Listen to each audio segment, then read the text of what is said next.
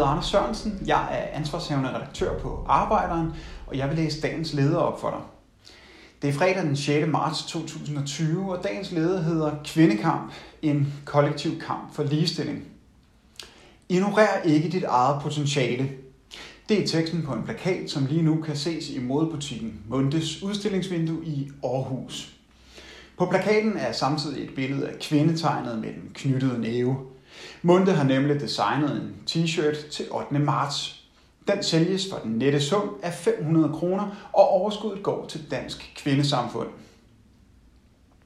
Det siger noget om, hvad der er sket med kvindekampen de sidste år. Den er blevet mainstream, alle går ind for den, eller erklærer sig som feminister. Og en butik, som sælger modetøj til kvinder, går selvfølgelig ind for ligestilling. Kvinder skal meget mere på agendaen, skriver Munde på sin hjemmeside. Men dermed bliver kvindekampen også tandløs. Kvindekamp handler ikke om at udfolde sit personlige potentiale igennem smukt tøj. Kvindekamp er en kollektiv kamp imod undertrykkelse for alle kvinders lige rettigheder for ligestilling.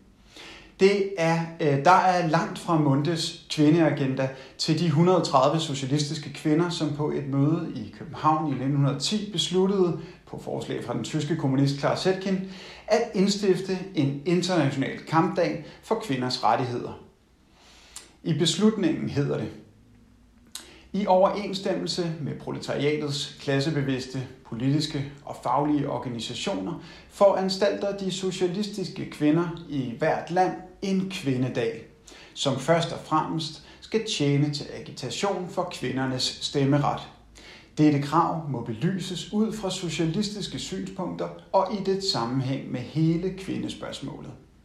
Kvindedagen må gives international karakter og forberedes ordentligt. De fremskridt, som kvinder har vundet de sidste 100 år, er på mange måder under pres i disse år.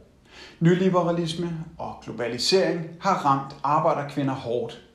I nogle lande værre end andre. Nedbrydning af den kollektive velfærd presser især kvinderne, som stadig har eller tager hovedansvaret for børn og familie. Selv ikke i et land som Danmark er der ligeløn på trods af, at vi fik en lov om ligeløn i 1976.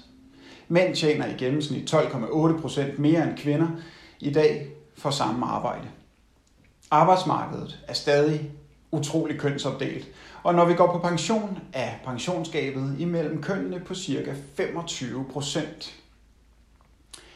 Samtidig er der de sidste år sket en voldsom individualisering af kvinders liv det presser ikke mindst de unge kvinder, som føler, at de skal leve op til både at være smukke, stærke og kloge, og i det hele taget klare sig godt. Og i det offentlige rum og på sociale medier sker en voldsom seksualisering af kvinder. Vold og voldtægt og kønsbaserede krænkelser er stadig en virkelighed, som mange kvinder møder. Mange af de her problemer er samfundsskabte, eller hænger i hvert fald snævert sammen med, hvordan samfundet i dag er skruet sammen. Derfor er kvindekamp også en kamp imod det kapitalistiske system med klassedeling og udbytning, der fastholder kvinderne i snævre kønsroller. Og gad så egentlig vide, hvor Munde forsyede deres tøj og hvad syrskerne får i løn.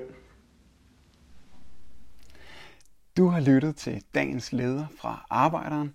Abonner på vores podcast på iTunes, eller hvor du ellers hører din podcast. Du kan også klikke ind på arbejderen.dk for meget mere journalistisk indhold. Du er også velkommen til at følge Arbejderen på Facebook, Instagram eller Twitter, samt tilmelde dig Arbejderens daglige opdatering på Messenger. Vil du i kontakt med Arbejderens redaktion, kan det ske ved at sende en mail til redaktion Tak fordi du lyttede med.